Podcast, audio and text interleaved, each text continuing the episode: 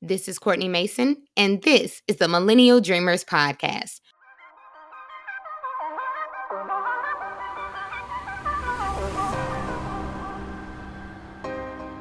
Hello and happy Black History Month, beautiful people.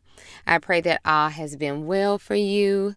January really did feel never ending, but here we are, arguably in the best month of the year, and definitely the one we look forward to the most in New Orleans. So, cheers to Black history and culture and all the king cake and socially distant Mardi Gras celebrations that we can stand.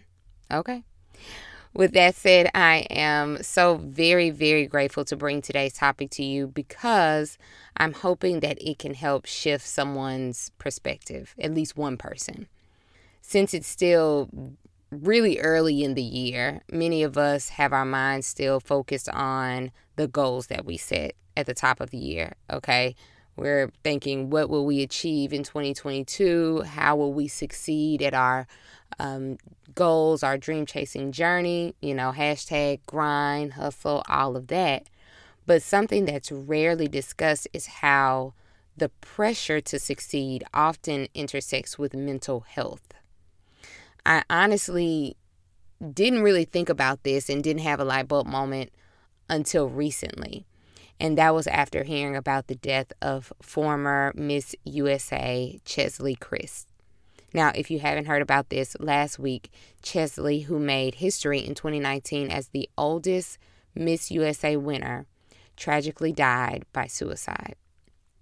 Now, seeing images and articles and a lot of people on social media talking about her because if you can recall when she won it was like this trifecta of black girl magic where uh, there were three black women who won. I believe cheslie was miss usa we had miss black teen and then miss america i believe um, but they were all over the news. And so a lot of people have been talking about this. And so I came across this article. I think someone may have posted it, but it was written by Cheslie. It was an essay that she penned for Allure in March 2021, like right before her 30th birthday. And in that essay, she reflects on her journey to overcome the relentless pressure to accomplish more and more and more. And much like myself, I found it interesting that she admitted to being very enamored by like the 20 under 20 list or the 30 under 30 list that you will see like on Forbes and in many other publications that tie achievement to youth and then call it success. She wrote, Turning 30 feels like a cold reminder that I'm running out of time to matter in society's eyes. And those reflections were really eye opening, especially considering that for all intents and purposes, Cheslie was very accomplished, like hyper accomplished. She was an attorney, an Emmy nominated correspondent for Extra, an advocate for mental health, an activist, a pageant queen, so on and so on and so on. And what she said she often asked herself was, why earn more achievements just to collect another win? Why work so hard to capture the dreams I've been taught by society to want when in actuality I continue to find only emptiness, essentially, at the end of the road once I get another win under my belt? So she ended the article saying that she was on a personal journey or a quest, if you will, to find joy and purpose on her own terms. So after her death, like a few days ago, um, her mom released a statement and basically said that Cheslie had been dealing with high functioning depression, um, which brings us back to that damaging link between achievement in youth and mental health.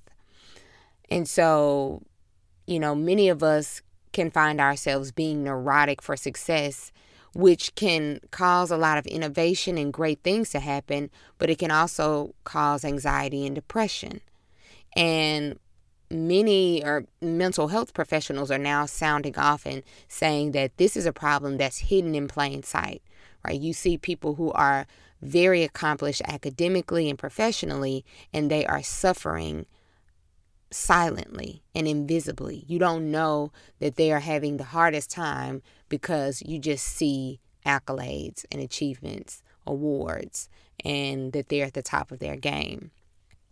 So, with that in mind, I just thought, you know, because I know with my personal journey how I've struggled and dealt with, and I didn't realize now, you know, reading her story and then just kind of sitting back and reflecting on it, how the whole things, the things that I've talked about in terms of fear of failure and, you know, perfectionism and all these different things that can impact how we move and achieve things or, you know, our view on things, how that is directly related to overachieving as well. And so I wanted to give three points on how we can dial back, you know, being chronic overachievers, how we can kind of get out of this toxic culture that can be very damaging to us and crippling in a lot of ways. So I just have three very short points and I will get out of your hair. So the first tip that I have um, to dial back the chronic overachieving is to redefine what success looks like for you. Society will place value on fancy degrees, high paying jobs, material possessions. But what if to you, success looks like just being able to learn a trade or a skill and using that skill to serve your community? What if it looks like having just enough money to travel with as few possessions as possible and become a digital nomad so that you can pack up your things and live somewhere for a couple of months and then pack them up again and live another place and not be location dependent. Right? That might make sense for you. And it's not about what everyone else says or, or what everyone else thinks. We have to get in the habit of redefining what su- success looks like for us. Number two, create smaller goals. What if you did not say, I want to write my first New York Times bestselling novel within the next six months? But instead, you said, I want to write five pages a day for the next two weeks. Okay, so the first thing, that second example that I just gave, is an actionable goal right? It's not a lofty, kind of unrealistic end result. And secondly, you can actually think about how manageable that is. Doing something consistently for two weeks and like something that's measurable and quantifiable. You can say, five pages, I can do this for two weeks. This 14 days, I can do that. As opposed to just saying, I want to write an entire book in six months and I want it to be on the New York Times bestseller list, right?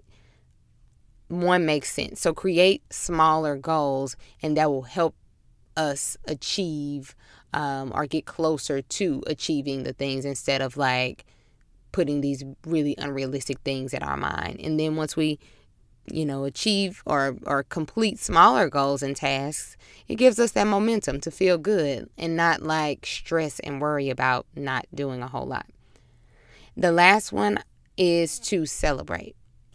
I don't care how minute you think a goal or a task is, it might be a challenge for you. But if you stuck with it and you didn't quit and you got it done, that's worth celebrating. I mean, you don't have to have a mariachi band every time you complete something that you need to do or said you were going to do, but it's just about acknowledging that you are killing it. You're rocking it.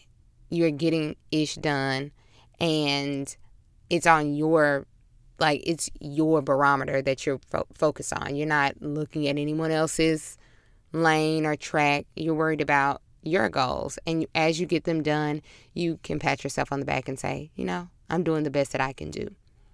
So, this isn't about lowering the bar at all. It's really just about taking back control of our minds and giving ourselves um, reasons to feel good about ourselves being focused and being cognizant of our mental health and how all the noise, all the achievement focused and centered conversations really are are harmful to us in the long run. So, like I said at the start, I hope this conversation and even just these three small tips will help to shift the perspective for at least one person and help us to get back on track to live our very best lives. So, that is all from me this week, friend. Very short and sweet. I hope you enjoyed it. And if so, please share it with a friend. And until next time, peace.